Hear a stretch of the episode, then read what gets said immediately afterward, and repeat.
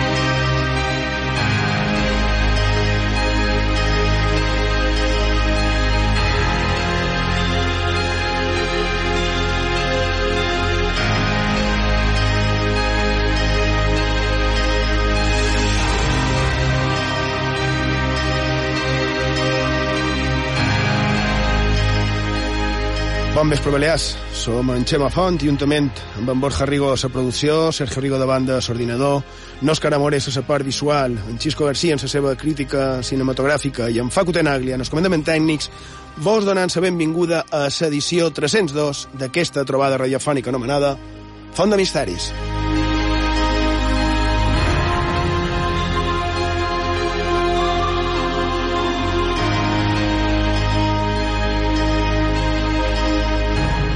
Borja Rigo, bon vespre.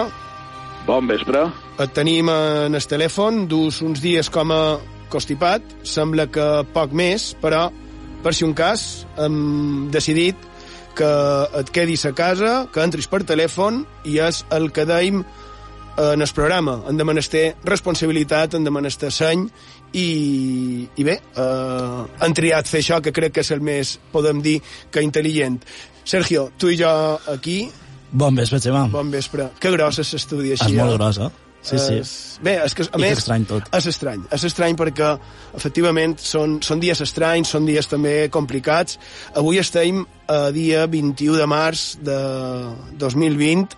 A Espanya duim una setmana en estat d'alarma, encara queda, però bé, ja, ja ho he dit, han de ser responsables, han de tenir seny, ens han de mantenir units, i, i com? I de, és, és, curiós, no? Perquè sem sembla una incongruència, però ens hem de mantenir units estan separats. Eh? Però és així, tancadets a casa per aviat poder tornar a sortir, tornar a gaudir de la nostra gent, de la nostra terra, poder donar una forta aferrada a la gent que, que estimam i que, i que ara no podem, però ja ho sabem, ens hem de quedar a casa.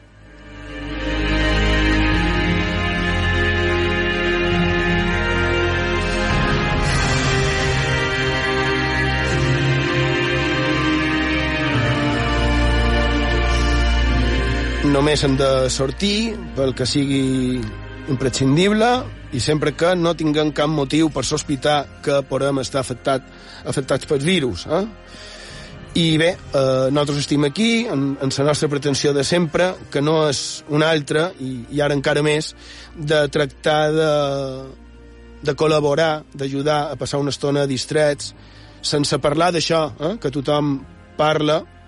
Jo no sé vosaltres, però jo també de menester no, no sentir parlar del tema tot el temps, han d'estar informats, clar que sí. De fet, estem esperant la compareixença del president del govern, però com solem fer és que des de Font de Misteri anirem a la nostra.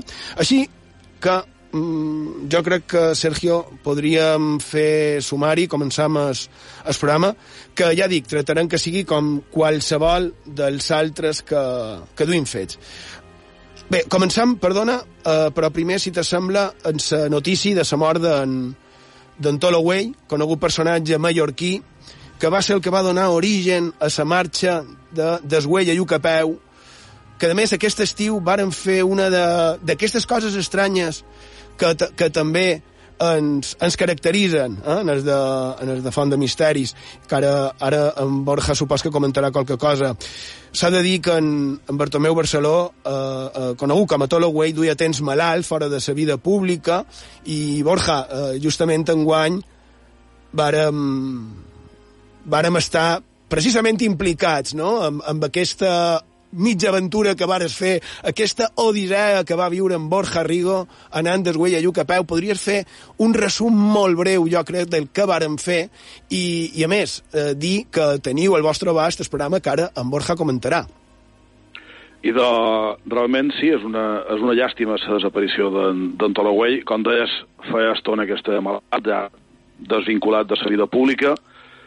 Vaig coincidir amb ell unes quantes vegades, varen comentar qualque aventureta d'aquestes de, de sa pujada de lluc, però sí que és cert que aquest estiu passat tu deies mitja aventura i mitja aventura va ser, però per, diria per vosaltres, però ja va ser una aventura completa, perquè crec que recordareu molt bé, sé cert que no vos ho heu oblidat, que vau estar setmanes i setmanes fent befa de la meva acció de pujar a Lluc. És correcte, però també s'ha de dir que tot el vespre vàrem estar al teu costat eh, podem dir, via telemàtica. Sí, anàvem demanant sí, com ho duia. I, i t'anàvem eh, escoltant i t'anàvem fent companyia, eh? una miqueta... No, sense... no, no, efectivament, això que m'hem d'agrair va ser una companyia molt gratificant i recordar simplement que enguany, enguany passat, l'objectiu, l'únic objectiu que jo tenia per tornar a fer per pagar de 10 o 11, no record, es diu que veu, era per batre la marca d'en Sergio. Correcte. No hi havia cap altre objectiu.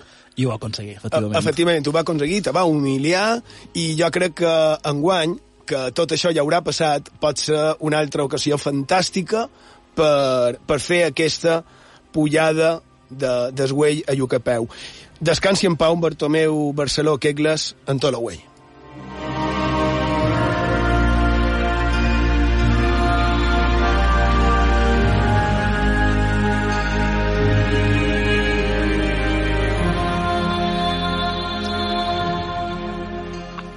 Per cert, eh, feliç inici de primavera, feliç dia de, de sa poesia. Eh? Avui hem eh, estai que has, que has triat, estai zero, que nosaltres deim, Borja Rigo, que jo me sona que devia ser de la sèrie de documentals Cosmos, m'imagino, per, per sa manera, eh, justament ho reuneix tot, perquè és de Cosmos, per començar, Borja?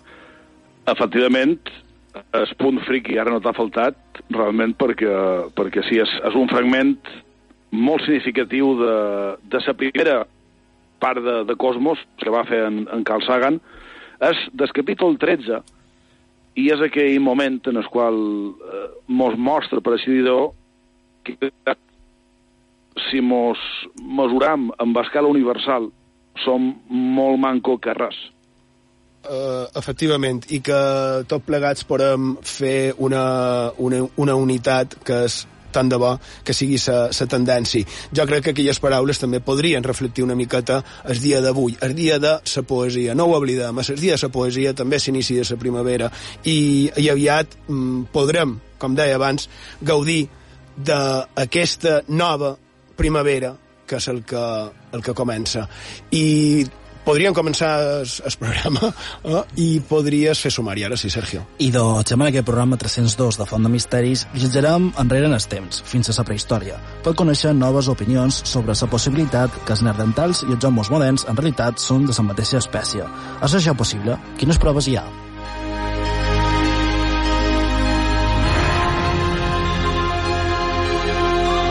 Continuació parlarem del projecte SETI. En què consisteix aquest projecte? Quines són les darreres novetats? Des de quan funciona aquest suposat mecanisme per trobar vida extraterrestre a l'espai?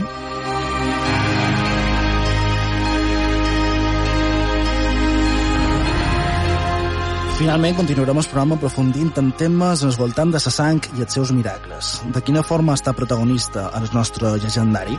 Quines històries i curiositats com la liquefacció i d'altres trobam?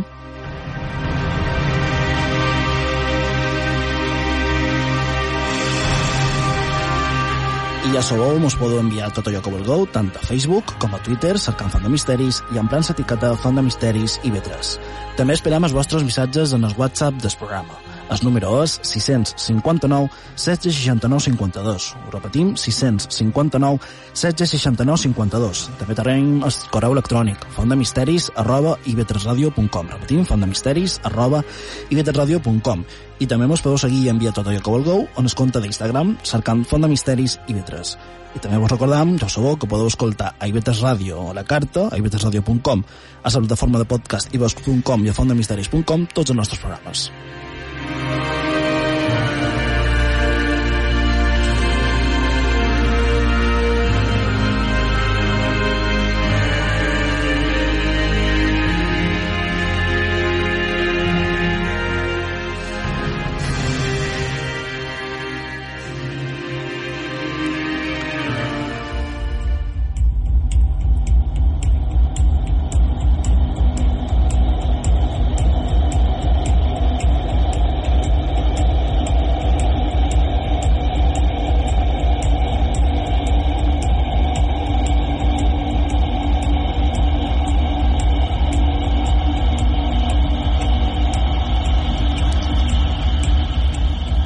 A Font de Misteris, a la sintonia d'IV3 Ràdio, la ràdio pública de les Illes Balears.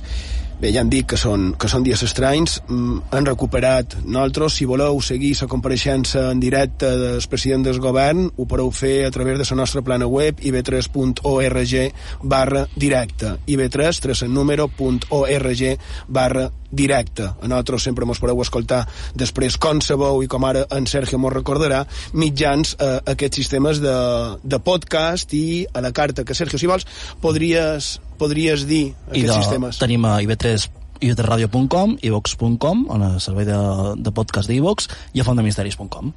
Perfecte. I el nostre número de WhatsApp, el nostre correu electrònic, per el que ens vulguin contar, comentar, explicar, etc. Ja tenim Facebook i Twitter, cercant Font de Misteris, i en plan etiqueta Font de Misteris i B3.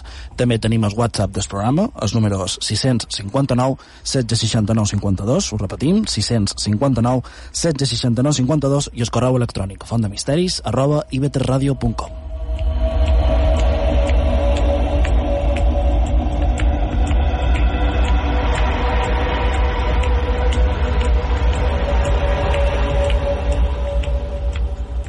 I bé, ho has dit en el sumari, sumari que probablement eh, no, no conclourem perquè ens quedaran coses per dir, però bé, ja ho farem eh, tenim previst la propera setmana, començaríem si un cas amb el que mos quedi d'avui, i ja està, que tot sigui això, no, no és vera, i de ja està.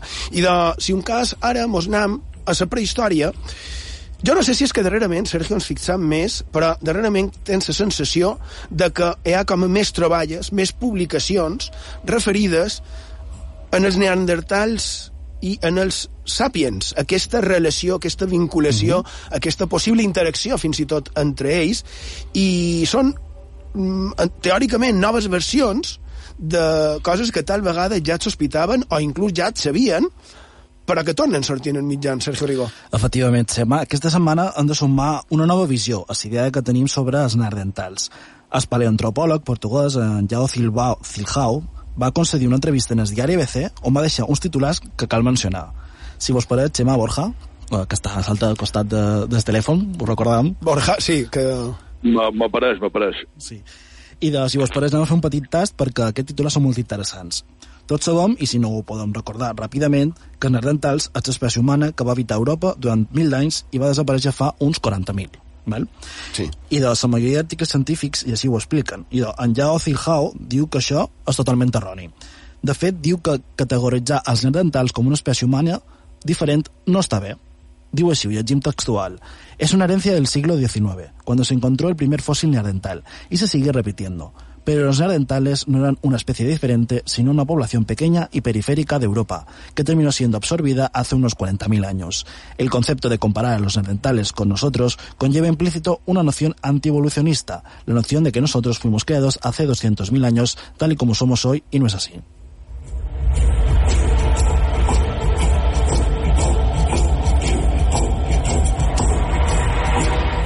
Us sembla, Xema Borja? I de Borja Rigo, jo no som antropòleg, evidentment, i no vull dir massa. A més, crec que sovint problemes de connexió. Crec que sovint hem, hem parlat d'aquest tema, ja he manifestat qualque vegada una miqueta el meu parer, i en resum, que tal vegada el neardental no, no era tan diferent a, a, a Homo sapiens, no? I, i com deia un, un arqueòleg d'una universitat, ara la veritat és que no record de quina universitat era, deia que si vestíssim igual a un neandertal i a un sapiens, eh, probablement l'única diferència que hi hauria és que neandertal seria una mica més lleig, però poc més. No, eh, no hi havia, diuen, aquella diferència que aquesta imaginació mos fa pensar mm, sovint que, que eren una mica homes, homes monedes, eh? eh? sinó que tal vegada serien molt més semblant del que es pensa. Eh? I això ve per aquesta, precisament, aquesta herència cultural del segle XIX. Jo crec que el problema, Sergio, sí. com sempre, és que ens haurien de deixar de mirar el ombligo, Eh? Jo crec que ve un poc per aquí, no? Tot és a raó, efectivament. Jo sí, crec sí. que ve un poc per aquí, que no hi ha tanta, tanta diferència, i això explicaries per què no va eh, desaparèixer d'aquella manera, encara que hi hagi teories. I en Borja crec que fa senyes, és que hem de dir que està de foto, eh, Borja, mentre escoltàvem el president del govern, he fet una foto, l'he penjat en el meu Facebook particular, en el que se t'avou una mica perquè estàs de foto. També t'ho dic. Uh, què volies dir? Foto de foto, però de ses, de ses dolentes, crec. Correcte. Però bé, la qüestió eh, és molt interessant i crec que estareu d'acord en que, que hi hagi tantíssim volum d'informació més recent damunt d'aquest tema té la part bona i té la part dolenta. La part bona és precisament per això, perquè hi ha un grapat de, de dades noves o recuperades o de dades que se contrasten, però la part dolenta és que cada vegada és més manifest que sabem molt, molt poc. Com deia aquí, cada pic pareix que en sabem menys. Correcte. I se te sent fatal, eh, Borja Rigo? Ah, sí? Ara sí. millor? No, no ho sé. Uh, si un cas ho comentes amb el tècnic i, i tu, Sergio, podries anar continuant. Bé, i de lo que fas investigador, per tant, has defensat que tant els neandertals i els que anomenem homes moderns, per investigador portuguès, són en realitat la mateixa espècie. Això ho tenim clar, no? De fet, Zilhao diu que està convencido de la inteligencia y las capacidades cognitivas de los neandertales. No encuentra motivo alguno para pensar que eran inferiores. Incluso, o fallés SABC, a través de los portugueses, fueron ellos los primeros en pintar arte rupestre, según concluyó en una impresionante investigación publicada de la revista Science en 2018.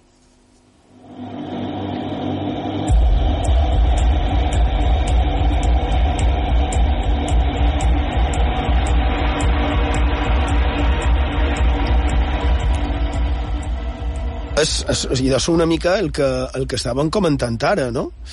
Mm, ara estava pensant, i jo crec que això que he dit de, de que si mos vestíssim igual, perquè me va sorprendre, jo m'imaginava si mos vestíssim igual com t'imagines en el Neandertal, i d'això com a pelut, som i la dona com a peluts, Pelut, sí. que, saps? Amb trajes així un poc... Clar, i, i tal vegada millor serien una miqueta diferents a nosaltres, sí. no? Els, els nostres estereotips de bellesa no, no seria el mateix. El mateix, Va, van canviant, imagina't en 40.000 anys, o 150.000, o...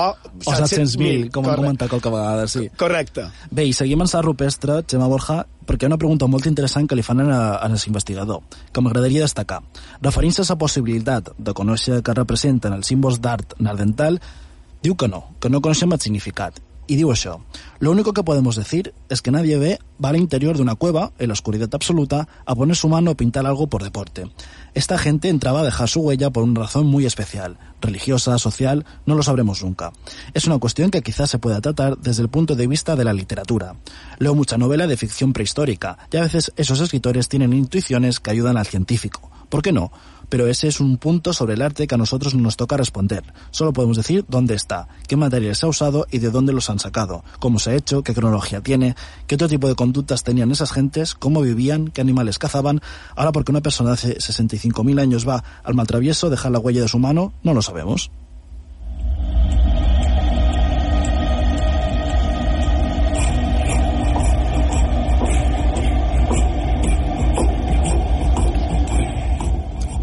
Bé, jo la veritat és que m'ha fascinat aquesta autocrítica no? que, que ha fet. Nosaltres acostumam a dir a Font de Misteris que s'ha de reescriure la història i aquest investigador eh, trob, trob que, que està molt sincer ja dic que jo m'ha agradat sempre parlant, eh, en aquest cas des punt de vista evolucionista eh? no entrarem, com vàrem comentar fa un parell de setmanes amb el tema creacionista no, no fos cosa perquè si no aquí sí que podríem estar parlant tota l'hora només, només d'això um, vol dir res, Borja? No, ara vos, vos escoltava i, francament, eh, és, és el que dius. És a dir, ara no entram en tema de, de creacionisme, és una, no sé si dir nova hipòtesi o, o, o reversió d'hipòtesis fascinant. També és curiós, és curiós pensar que, que simplement fos no una espècie diferent, sinó un, un petit reducte de població que quedava, també és, és interessant, i jo crec que probablement la setmana que ve tindrem una altra notícia per comentar que millor es diu això mateix que hem comentat ara. Però que és que hi ha l'artista o que pot ser que surti un altre que ho pugui contradir? No, no, no, no he vist res, no he vist res. Ho, ho, deix, ho deix caure perquè la tendència d'aquestes setmanes per ah, val, sí, val. Amb, amb, aquest, amb aquest sí. Um, hi havia una altra coseta eh, que m'has comentat, Sergio, damunt d'aquest article i que m'has adelantat. Hi ha una altra cosa que també t'agradarà, això m'has dit, no? Sí, Xema, anem amb una darrera pregunta, perquè l'entrevista, que és molt interessant, ja ho veiem, recordam en el diari ABC, però no poden canviar de tema sense conèixer la resposta a lo següent. ¿Qué le parece que el neandertal se siga utilizando como un insulto? Llegim perquè la reflexió troc que, que, que és la definición zoológica del Homo es de 1864 y fue propuesta por el naturalista británico William King. Planteaba que los neandertales tendrían una inteligencia menos desarrollada, aunque la que encontramos entre los que él decía eran el pueblo más primitivo de la Tierra, los isleños de Andamán. Y esos isleños King les consideraba tan el límite de la estupidez que no se podía ser más primitivo que ellos, y todavía ser humano. Esto es parte de una visión en la que la evolución equivalía a progreso y las razas humanas no eran iguales. Los ingleses eran los más evolucionados, evidentemente, mientras que los africanos y los pueblos llamados primitivos eran los representantes vivos de un estado primitivo ancestral, del cual los pueblos civilizados habrían sido capaces de ascender, pero los otros no. A día de hoy nadie se atreve a decir cosas de este tipo sobre otro grupo humano, y si lo hace se lo detacha inmediatamente con razón de racista, pero sobre los fósiles parece que se puede seguir diciendo sin problemas. Es muy reconfortable desde el punto de vista de la psicología social utilizar los fósiles como una especie de espejo, mirar de dónde venimos y hasta dónde hemos podido llegar, los grandes y buenos que somos. Pero ahí está el COVID-19 para recordarnos que en la Tierra no mandamos nosotros, sino las bacterias y los virus.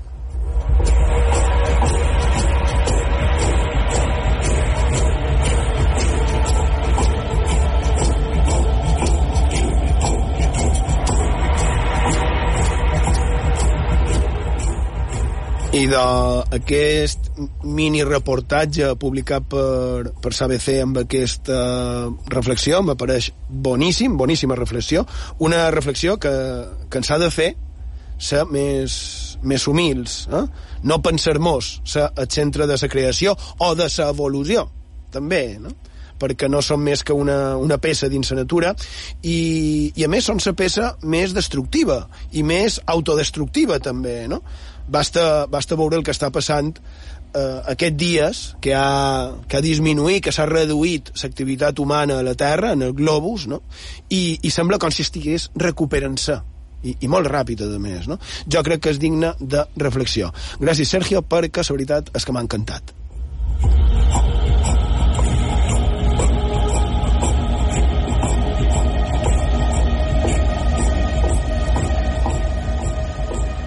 I d'ara, si vos sembla, fem una petita pausa i tot d'una continuam aquí, a Font de Misteris, a IB3 Ràdio, parlant del projecte SETI.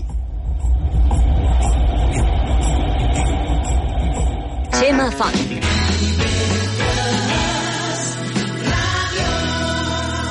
Font de Misteris. Això és un missatge del govern de les Illes Balears. Informació laboral important. No es pot acomiadar. Si ets empresari o empresària, contacta amb la teva gestoria o col·legi de graduats. Si ets treballador o treballadora, informa-te'n amb els teus representants sindicals. I recorda, tens dret que no t'acomiadin, a una prestació de desocupació i que no et modifiquin les vacances sense pactar-ho. Aturem el coronavirus. Protegint-te tu, ens protegim tots. Més informació actualitzada a les xarxes socials del govern. Saps que per primer pic a la història gran part de la humanitat ja sap que arribarà a vell? I de prepara't per aquesta etapa de la vida amb nosaltres. T'oferim les veus dels més veterans i una selecció de coneixements i consells d'allò més útil. Som grans, amb Natàlia Blanes. Dilluns a les 6 del cap vespre a IB3 Ràdio.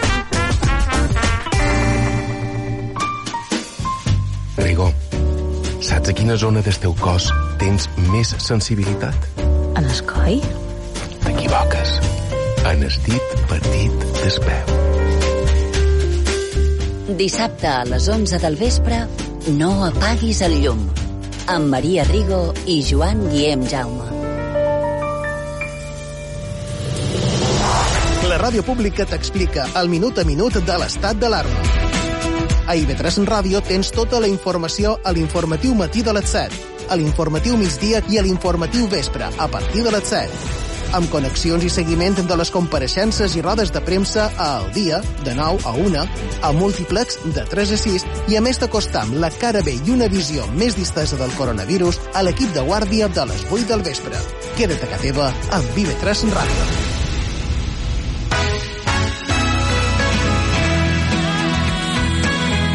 Escoltau IB3 Ràdio al 88.6 de la FM.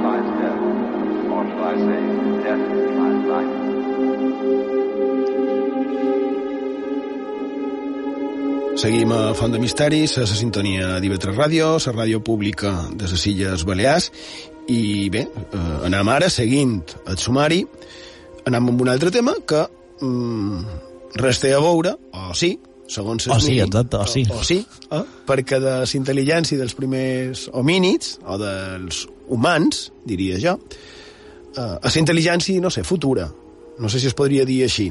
Tot són teories. Ho dic perquè anem amb una notícia que han sabut ara fa poc i que el manco allò mm, m'ha fet anar enrere en el temps. Molt de temps. O oh, no, també. Segons se miri. Borja Rigo. I doncs sí, m'agradaria comentar una notícia que va també sortir fa, fa uns dies, no, no gaire, i que en realitat a mi personalment, i crec que tu, Xema, per aventura una mica també, me fa estar una mica trist. I que més mos mostra que alguns de nosaltres ja no som tan joves com, com podríem pensar. A lo millor me, més que... Sí, però a lo millor tampoc feia falta tirar aquesta, eh, aquest, aquest dart directe, eh, però jo més que trist, tal vegada seria melancòlic, podria ser la paraula, no? Al final és... Sí, però tu és més, ben encertada. És una... Però bé, la qüestió... Sí, és una mica romanticisme, digues. La qüestió és que, entre altres, la revista molt interessant a la seva versió digital se feia ressò de que el proper 31 de març de 2020, si mos escoltau a través de podcast, pot ser ja hagi passat i no tingui molt de sentit, però en aquest cas el projecte SETI Home atura la seva activitat els, els més joves, per ventura no tindran ni idea, en Sergio no sé què, què dirà al respecte, per exemple. Sí, jo sí, però perquè som un friqui d'aquest temes, jo no, no cont en això de... No. Cert. Sí. Exacte, no, no comptes exactament, però Eh, resulta que alguns, i Xema crec que tu també, seguríssim, sí. alguns ho van conèixer a l'any 1999. Aquesta iniciativa te permetia, mitjançant un programa d'ordenador, cercar patrons de senyals rebuts pel radiotelescopi d'Arecibo, de Puerto Rico, durant la seva operació quotidiana. L'idea era molt simple. Si de forma habitual ens dedicam a observar els objectes celestes en el rang de les zones de ràdio, que és, a més, una de les formes més, més barates de, de comunicació interestel·lar, podríem dir, no és possible que per casualitat se coli, entre cometes, alguna missió d'una civilització extraterrestre i no mos no entenem perquè estem atents a una altra cosa? Això seria el plantejament. I de bé, resulta que aquest projecte que compleix ara 21 anys, té un cost anual de més de mig milió de dòlars, va aconseguir en el seu moment distincions i fins i tot un rècord Guinness l'any 2008. En paraules dels seus responsables, diu, hemos analizado todos los datos que necesitamos por ahora y es mucho trabajo para nosotros gestionar el procesamiento distribuido de datos. Tenemos que centrarnos en completar el análisis de los resultados que ya tenemos y escribir un artículo con ellos. No sé què vos pareix. Bé, jo el que m'apareix és que 21 anys. Eh? Um, ja he dit abans que ens feia anar enrere en el, en el temps, eh? quasi res. I, i en part, mm, ara sonarà abuelo, padrí, no? Però és que sembla que no, que no fa tant. I, I és curiós, no? En Sergio sí que el coneix, però, clar, eh, tots els que ara es coneixen com a millennials, la majoria ja no, ja no ho deuen conèixer, ja no deuen saber de què va. Uh, resulta que ara, pensant un poc en això, i, i no, no d'avui, també fa un parell dies companys, això de, de Seti Home me recorda també a una pàgina web quasi primitiva, podríem dir, ara que xerraven de molts primitius, no? Una primitiva pàgina web de finals dels 90 que s'ha deia UFOSIC, on hi havia un grapat d'informació d'un sistema OVNI, hi havia vídeos, hi havia dossiers i documents, fotografies estranyíssimes. Però que era una... No sé si. Totalment, era una pàgina web, a més, clar, d'aquella bon sa que la ve... si la véssim ara era molt bàsica, però no per ser bàsica. En aquella època hi havia pàgines webs que eren podríem dir que eren molt bàsiques, molt senzilles, però que aportaven moltíssim. Ara se me venen en cap un parell, i efectivament, Infosic era, uh, Ufosic uh, precisament era de, de, de la temàtica ufològica directament. I doncs resulta, resulta que ahir mateix, trascant uns, uns CDs que, que tenia per aquí per que nostra, em vaig trobar un, amb un títol tan genèric com Coses 1. El vaig Coses posar... 1 Cosas un. Sí. sí. Val. Era, era un... I, i per curiositat vaig, vaig posar que tenia i resulta que és un CD de l'any eh, 2000 i ja, ja ha plogut en el qual hi ha molt de retalls i molta informació estreta d'aquesta pàgina UFOSIC. Hi ha fotografies, hi ha vídeos de resolució dubtosa a dia d'avui, però molt interessants en aquella època, hi ha retalls de premsa, i els arxius més antics que es conserven en aquest CD són de l'any 1998. Imagina't. Imagina't, amb una, amb una qualitat d'imatge bàsica, però, però era el que teníem, era el que, el que teníem. Um, has de dir res més damunt del projecte SETI? Sí, vull, si m'ho permeteu, vull que va amb una reflexió crec que curiosa, que més fa la pròpia revista molt interessant en el final del seu article. Diu, Desde que comenzó a mediados del siglo XX, el programa SETI no ha aportado ninguna prueba, ni siquiera circunstancial, de que existan esas supuestas civilizaciones extraterrestres. Sus defensores responden con un conocido dicho, ausencia de pruebas no es prueba de ausencia. Y es cierto, pero ¿en qué se diferencia entonces SETI de otros campos que rozan, cuando menos, lo pseudocientífico, como es la percepción extrasensorial o el espiritismo? En ambos casos tampoco hay una ciencia sólida que los respalde y tras más de un siglo de investigación, sus defensores no han podido probar la existencia de esos fenómenos más allá de la duda razonable. ¿O es que pensar que hay civilizaciones extraterrestres en el universo mandando señales por el espacio es una idea menos colorista, entre cometas, que creer que hay fantasmas pululando por los castillos de Escocia?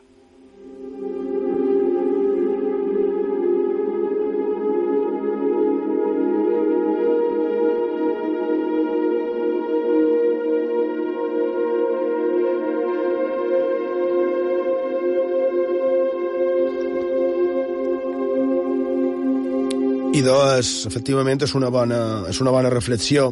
I damunt del projecte Seti Home, eh, que a part de la meva experiència personal, que bé, clar, eh, com jo també som més major, també és més fàcil tenir més, més experiència, encara que aquí varen començar a la vegada, no?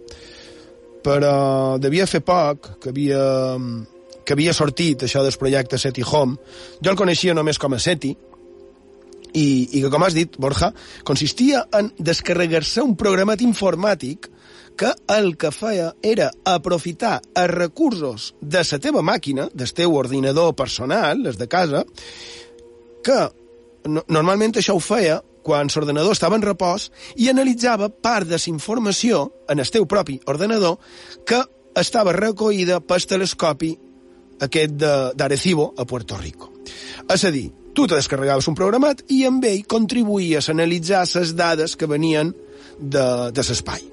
Um, clar, hem de tenir molt present aquí que eren ordenadors molt, molt, molt més lentos i amb menys manco capacitat que els d'ara, i clar, eh, si sumam un grapat de milions d'ordinadors arreu del món que fan feina per un objectiu comú, eh, tal vegada així fos més fàcil trobar informació. I el que cercava era, clar que sí, la possibilitat de vida intel·ligent a l'espai.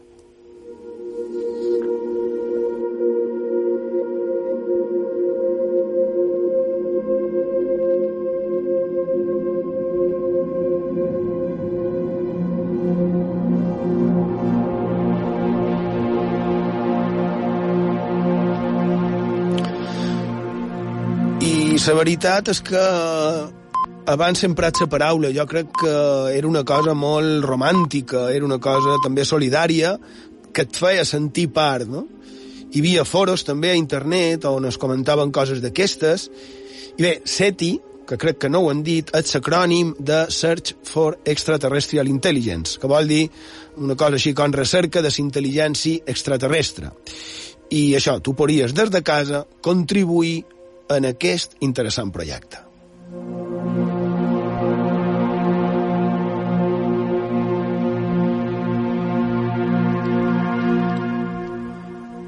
Recerca d'intel·ligència fora de la Terra, no?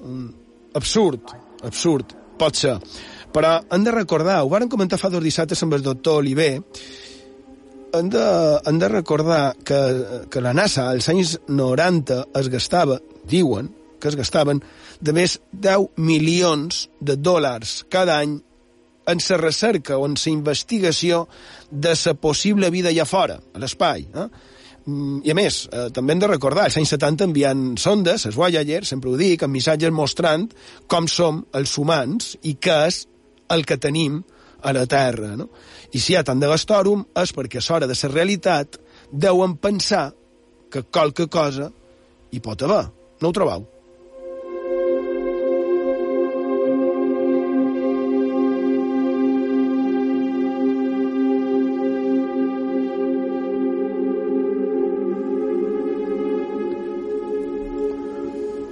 No dic que n'hi hagi, o que s'afirmi que n'hi hagi, en Borja ho ha dit molt clar, eh, ausència de proves no és prova d'ausència, però no ho sé, mm, tampoc crec que ho neguin, no ho sé. I ja aquí som, me consta que d'aquella època en què empraven es guarda, es guardapantalles aquest del SETI, tractant d'analitzar les dades d'Arecibo, eh, per tal d'ajudar analitzar aquestes senyals que tractessin de descobrir missatges de qualque civilització. I jo crec que d'aquella època encara ens escolta qualcú. Eh? Vosaltres ja sabeu qui sou, quines il·lusions, quins somnis, eh? encara, encara vius, i seguim, seguim somiant. I parlant de, de somnis, com que la setmana passada no va poder entrar per la reducció horari que vàrem tenir, com avui, per temes informatius, jo crec que podríem escoltar ara la secció de crítica i de, i de reflexió cinematogràfica anomenada Llums i Ombres, que cada setmana ens du en Xisco Garcia i que ens va preparar precisament pel programa que vàrem fer dissabte passat dedicat en el món dels somnis. I ho vàrem fer en la doctora de, en Història Antiga, en Ana Maria Vázquez Ois. Escoltam en Xisco Garcia.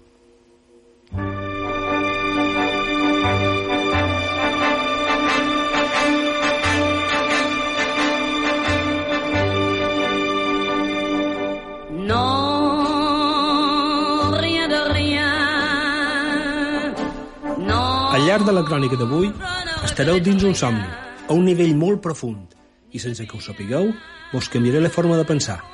I és que una idea és com un virus, resistent, molt contagiosa. Fins i tot, el germen més insignificant es pot desenvolupar per definir-vos o destruir-vos. Aquesta cançó que sona ara, recordeu-la, serà la senyal perquè vos desperteu. Bon vespre, Xema i companyia. Avui, a l'espai Llums i Ombres, ens endinsarem en la pel·lícula Origen, dirigida per Christopher Nolan i estrenada l'any 2010.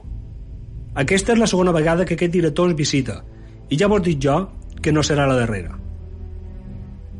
Abans d'explicar la història, voldria fer una analogia amb el programari de retoc fotogràfic Photoshop per explicar l'estructura de la pel·lícula. Aquest software utilitza el sistema de capes, una sobre l'altra, permeten manipular una imatge de tal manera que allò que s'aplica a un nivell afectarà l'altre. Doncs això ens val per entendre les capes en les que es mouen els protagonistes dins el món oníric. Leonardo DiCaprio és en cop, un individu tormentat per un fet del passat que anirem esbrinant a poc a poc i que interfereix negativament amb la seva feina. Una feina que no deixa de ser d'allò més estranya ja que consisteix en robar secrets de càrrecs directius de grans corporacions per a altres grans empreses. La qual cosa la poden definir com un espionatge industrial, però la particularitat de que el que fan per aconseguir aquests secrets és ficar-se en el somni de les persones que són l'objectiu del robatori.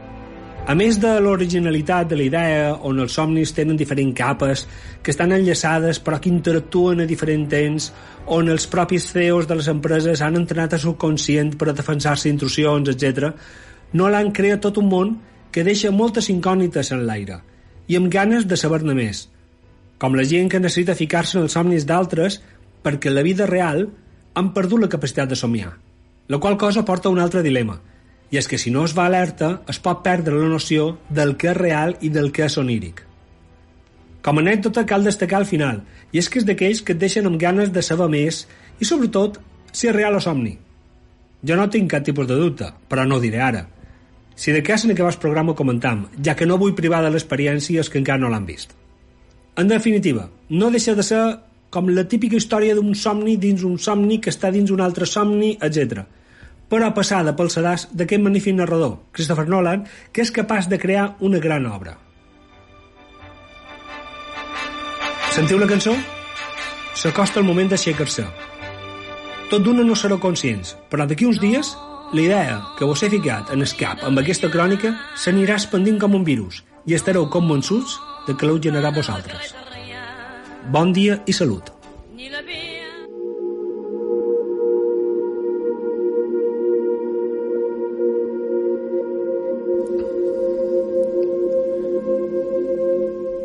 Quin malson mai millor dit, uh, totes aquestes pel·lícules, a Sergio, en, Totalment. on el tema uh, és aquell que te puguin interferir mentre somies, no? mentre estàs dormint. Quina indefensió. Ja, ja és el que ens faltaria, no? Sí. Uh, molt interessant, uh, Xisco, gràcies. I espero que quan escoltem la cançó, la fantàstica cançó de Neddy Piaf, uh, no en ne, regret rien, uh, no facem cap desbarat. I, per cert, um, crec que, que en Borja... És que tenim connectat en, en, en Borja en la pantalleta, que, que darrerament, malauradament, s'ha posat tan, tan de moda. Eh? Eh, recordem, queda't a casa. Què vols dir, Borja Rigo? No, deia, si m'ho permeteu, un... farem un petit acudit des, des Lutiers. No, no és necessari. Que... Bé, no el faré més, simplement el comentaré i ja està. Uh, volia dir que aquesta pel·lícula, la que feia referència en Xisco, l'he vista dues vegades i el segon pic no la vaig entendre. Molt bo. És bo, és bo. Molt bo, molt bo. Molt bé, molt bé, molt bé. Uh, bé, seguim i ara mos anam uh, a un tema que res té a veure uh, en res del que hem comentat fins ara, amb el que és l'actualitat. Uh, en res, mos queden res, només un parell de minuts. Però és que avui volem parlar ni més ni manco que d'històries relacionades amb la sang.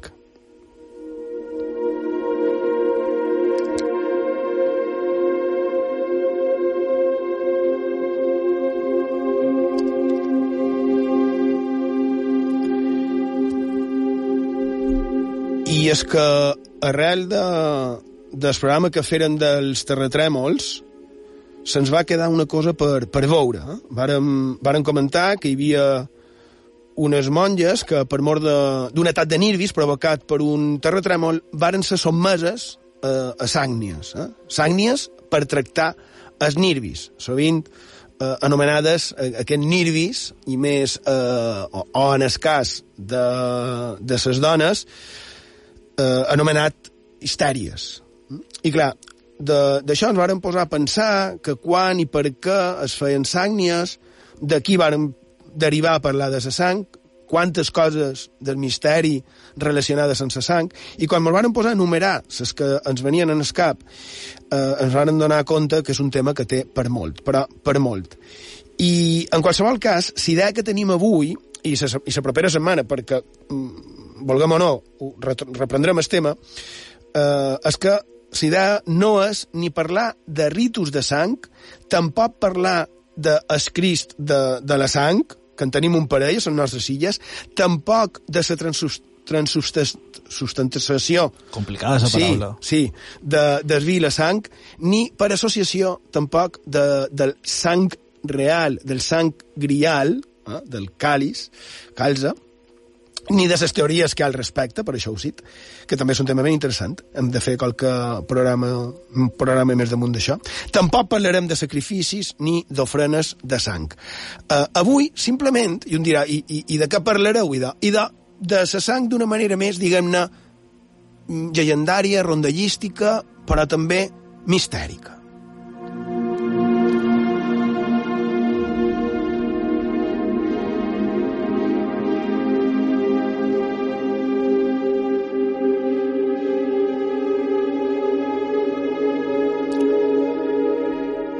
Sí, ara, ara estava pensant que tal vegada abans podríem escoltar, que no mos passi el de la setmana passada, podríem escoltar estar d'en Xisco, d'en Xisco Garcia, perquè des que, a més, quan li vaig dir el tema principal del programa, li vaig dir, o sigui, jo a ell li vaig dir, no tenim intenció de parlar de vampirs, però ell li ha pegat per allà, i és que aquí cadascú va a la seva. Així que ell ens parla d'en Dràcula, li ha pegat, sembla, per lo gòtic, eh? I ja que, ja que no en parleu de vosaltres, ja ho faré jo, me va dir una cosa semblant en això, i de molt bé. De totes maneres, sí que és cert que, que nosaltres mmm, no en parlarem de Dràcula, però crec, Borja, Sergio, que haurien de cercar aquest tipus de personatge històric i de llegenda o llegenda històric dins la nostra, dins la nostra terra. No ho trobeu? Sí. De fet, aquesta pregunta crec que te l'han fet a qualque vegada en aquests micròfons fa molt d'anys. Ha qualque vampir, qualque vampiresa aquí autòctona a les nostres illes? Pot ser que... Sí, eh? És cert, i vàrem estar parlant d'un cas... Val, sí, val. Borja, digues. És, és un dels temes que es veu que han comentat fora de micròfon un grapat d'ocasions, amb antena, com diuen Sergio, ho han demanat també qualque vegada, i no sé si esteu d'acord, però crec que és un dels temes més complexos per investigar les nostres illes. Sí que ho és. En quant a, en quant a poques referències, el manco així, així d'entrada damunt d'aquest tema. Correcte. Si hi ha, podries donar número de WhatsApp, si hi ha qualcú que conegui qualque història llegendària, mm, històrica, rondallística o semblant referent en els vampirs, li agrairíem que mos comunicàssiu, que mos informéssiu. Eh, recordeu que tots els missatges, s'ha dit això perquè qualque persona que mos escoltava mos ho va demanar mitjans en nostres sistemes. Tots els missatges que ens, arriba, que ens arriben, els quals vos agraïm de tot cor, tot sempre són contestats en privat, però sempre són contestats. Pots donar el número de WhatsApp? I de 659 769 52, 659 769 52. I de bé, eh, escoltam ara en Xisco García la seva secció de crítica cinematogràfica que anomenam Llums i Ombres.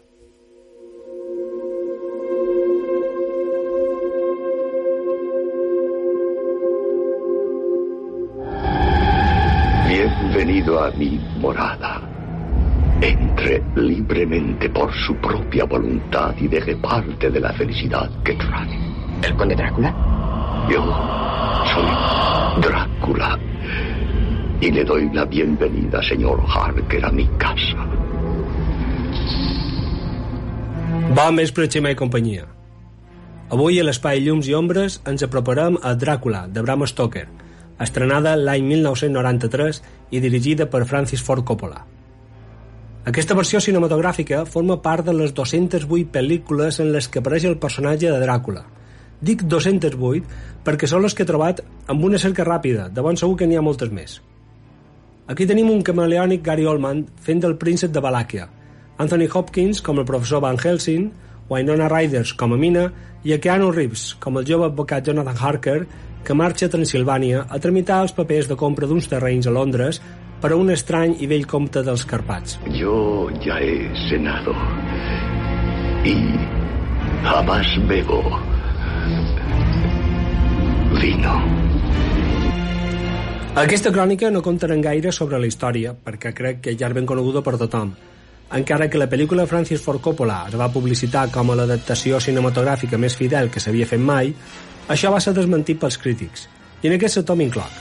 El que fa la cinta és recollir frases o moments destacats de la novel·la i afegir-los a la seva versió, que no ho trob malament, però això no vol dir que sigui una adaptació fil per randa de l'obra de Bram Stoker. Amb l'excusa del moment en què es desenvolupa aquesta història, l'any 1897, que és els inicis de la creació del cinema, el director va decidir que els efectes visuals havien de fer-se amb trucatges d'òptica i de càmera, allunyant-se dels efectes digitals que s'estaven començant a utilitzar de la mateixa manera que va fer ús per a les transicions entre escenes de cortinetes, com es feia al cinema primitiu. Fins i tot, a l'inici de la cinta va utilitzar el recurs dels ombres xineses d'una manera magistral, per representar la batalla de l'exèrcit del comte Dràcula contra els otomans. Escucharás.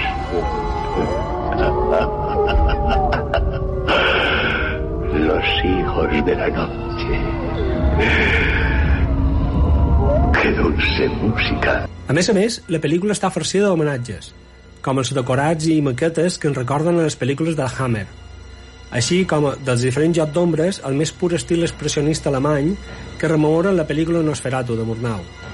Pel que fa al context històric, s'aprofita que el moviment femení sufragista començava a augmentar al Regne Unit per presentar un personatges femenins independents, moderns i que, a diferència dels homes, que semblen més poderosos, les dones van més desinhibides.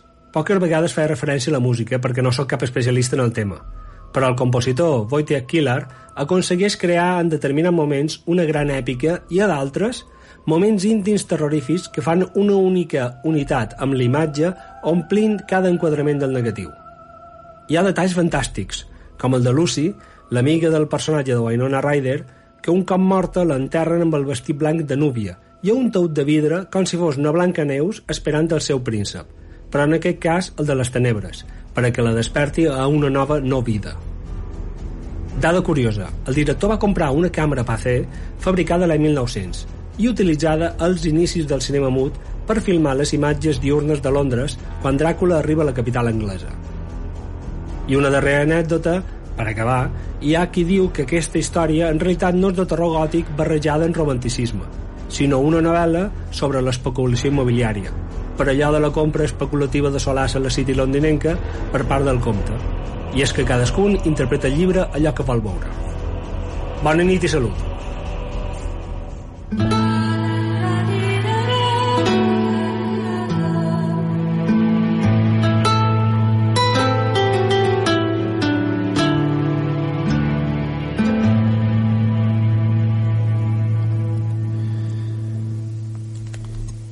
D'hora per, per començar, gràcies Xisco, m'agradaria fer-ho amb una comentant una d'aquestes casualitats que una vegada es demana per què. No té major transcendència, clar, però deixa de ser una curiositat que quan et passa et sorprèn. El dia següent d'haver pensat eh, amb vosaltres, Sergio Borja, eh, fer el programa dedicat-li la part principal en el tema eh, a la sang, vaig agafar a l'atzar un llibre, ho faig sovint, vosaltres també ho feis, un llibre a l'atzar i l'obris.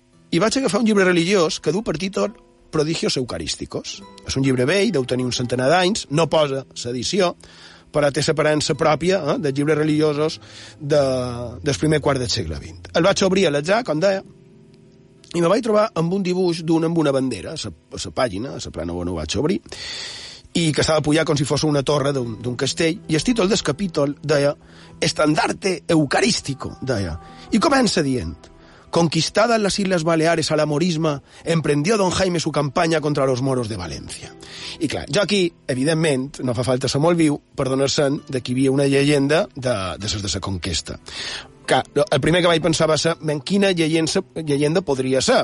M'imaginava la de Serrat Pinyada, el rat penat, eh, aquell animal, per cert, mm, que les nostres illes no xucla sang, ni representa cap perill, ara parlàvem d'un Dràcula, i d'imaginar una llegenda referida en aquell animal que hauria salvat el rei en els seus, tal, o tal vegada una boira, com sa de, de Cap de Pere, que va confondre en els coneguts com a els moros, però no, me vaig trobar amb un altre.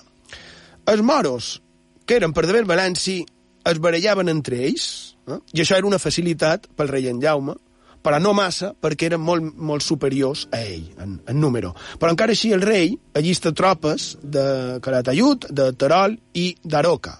D'Aroca actualment és un poblet de devers 2.000 habitants que està a mig camí entre Saragossa i Terol. No? I d'allà parteixen cap a Castelló, on comencen la conquesta. Es fan forts a un castell a Burriana que es converteix en el punt fort de la campanya contra els serreins. En el següent enfrontament diu que superava en 10 per 1 en els cristians. Eh? 10 moros per cada cristià. I just en el moment de celebrar la misa abans de, de, sa, de sa baralla, el, el llibre dels fets també en sonarra la conquesta de les illes, aquest, aquest fet de, de la missa, just en el moment es veuen atacats. El capellà se'n va corrent a amagar les sagrades formes embolicades en els corporals. Eh? Els corporals són els draps que es posa damunt de, de l'altar per a la, a la celebració religiosa. I què fa? El s'amaga a una cova i mentre a de fora hi havia una batalla totalment desigual que, que acaba amb una inesperada, amb una sorprenent victòria cristiana. Huyendo los moros despavoridos a vista de tan inaudito valor, Después de este gloriosísimo triunfo, se apresura el capellán a recoger las santas formas y al desplegar los corporales, estando arrodillados los cinco capitanes con su general para recibir la comunión, recordem que tota, tot això, tota aquesta lluita contra els reins era sota la idea o l'excusa, si voleu, eh, d'una mena de creuada. I diu de, del capellà, observa con asombro que las formas se habían convertido en sangre.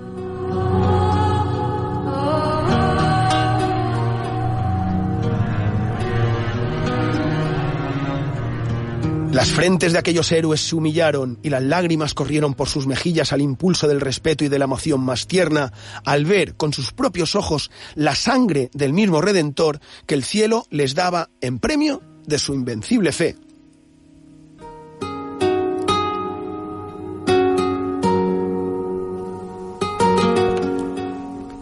Clar, imagineu sorpresa les treuen d'un amagatall on havien d'haver sagrades formes i en lloc d'això es troben sang i els, els corporals vermells, no? I encara estaven amb això quan els seus enemics es repleguen de ben nou i tornen a atacar. Y diu, en el momento de comenzar la pelea, el sacerdote que había celebrado el santo sacrificio enarboló sobre un palo aquel bendito corporal y puesto de pie en la parte más elevada de la fortaleza, lo mostró a los combatientes. I la narració d'aquest text original és tan èpica que jo és que prefereixo llegir-la eh, textualment. Brillante con los reflejos del sol y azotados por los vientos, ondeaba flotando en el azul de los cielos aquel estandarte maravilloso, coloreado con la preciosísima sangre de Jesucristo y despedía de sus manchas rojizas rayos de luz que infundían terror y cegaban a los moros, al paso que se esforzaban los cristianos. Fue tan general el escarmiento que fuera de unos pocos que huyeron no quedó ningún moro con vida.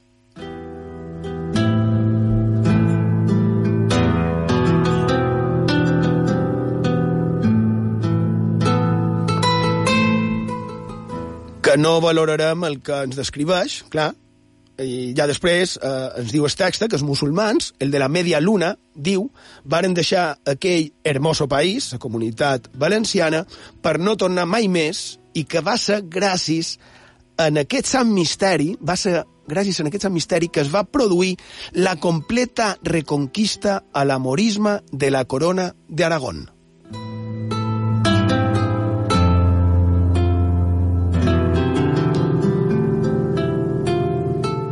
Però la història no acaba aquí. A més, continua con nosaltres, que ho continuarem, però serà la setmana que ve, a Font de Misteris. Ara fem la darrera pausa i tot una continuem amb l'acomiadament. Xema Font.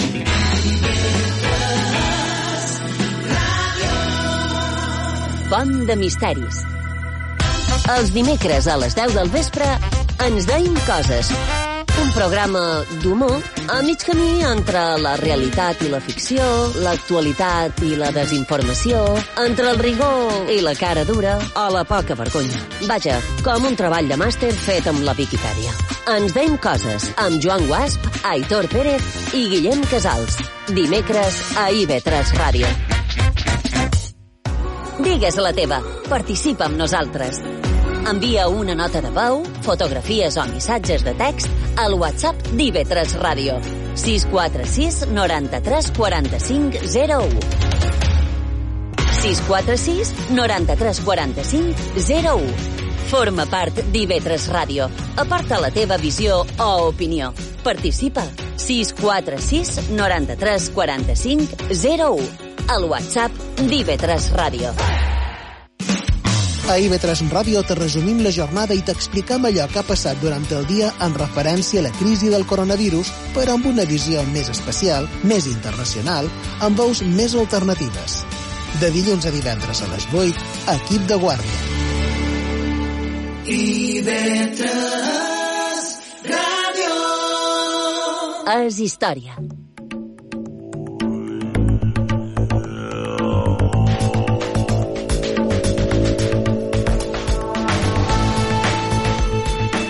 I doncs arribat a la fi del programa d'avui. Esperem que hagueu passat una estona agradable i que hagueu pogut treure qualque cosa de profit d'aquesta font de misteris.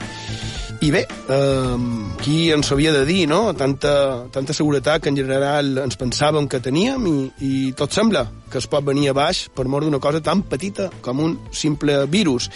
I ho, di, ho he dit bé, eh? Tot sembla, perquè, sabeu, no es vendrà baix tot i no crec equivocar-me.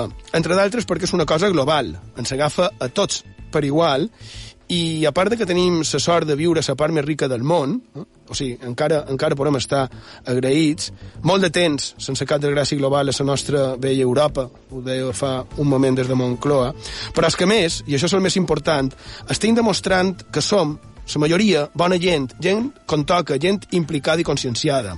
I sense valorar massa la situació, només dir que des d'aquí volem agrair a tots el que estàu obligats a fer feina cada dia i molts malauradament sense les mesures de protecció adequada. Volem agrair-vos i reconèixer que sou uns herois, personal sanitari, des dels metges en acceleradors i auxiliars, seguretat de l'Estat, policies, exèrcit, protecció civil i seguretat privada, el personal de neteja de totes les empreses, els transportistes i conductors, el personal de les botigues que romanen obertes, personal de fàbriques, indústries i tant d'altres. Només agrair-vos la vostra dedicació, implicació i fins i tot bones paraules i simpatia. Entre tots, estic segur que superarem això i els que ens posin a davant.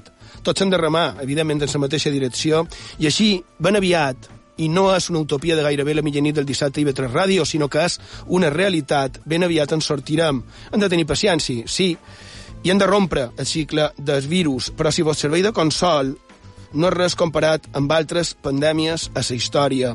No ho oblidem, som afortunats, malgrat tot, en general, som afortunats. I això, que gràcies, herois anònims, per la vostra feina, per la vostra dedicació, per contribuir a superar això. Vagi des d'aquí el nostre reconeixement. Això demostra que hi ha molt bona gent, molt bona, i que sou el més gran valor d'aquesta, la nostra societat. No ho oblidem mai. Gràcies. Ah, i tots a casa, que junts ho aturarem. D'en John Lennon, Working Class Hero, heroi de la classe eh, treballadora. Allí, Pau, bona nit. Gràcies per la vostra companyia i fins la setmana que ve.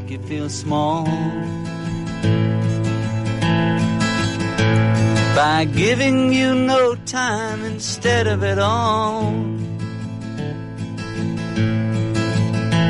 Till the pain is so big you feel nothing at all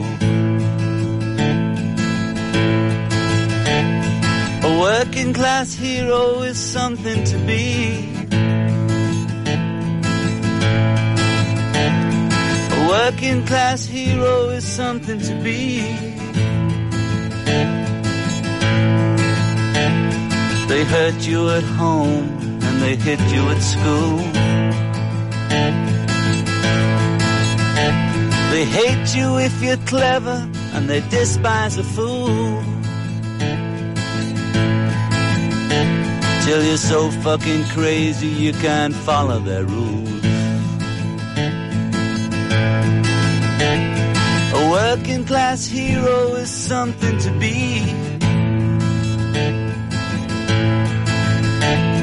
A working class hero is something to be. When they've tortured and scared you for 20 odd years.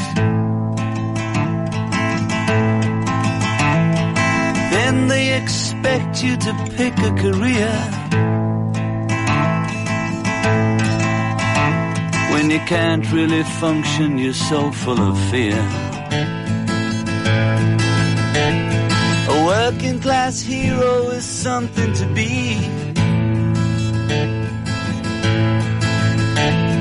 A working class hero is something to be.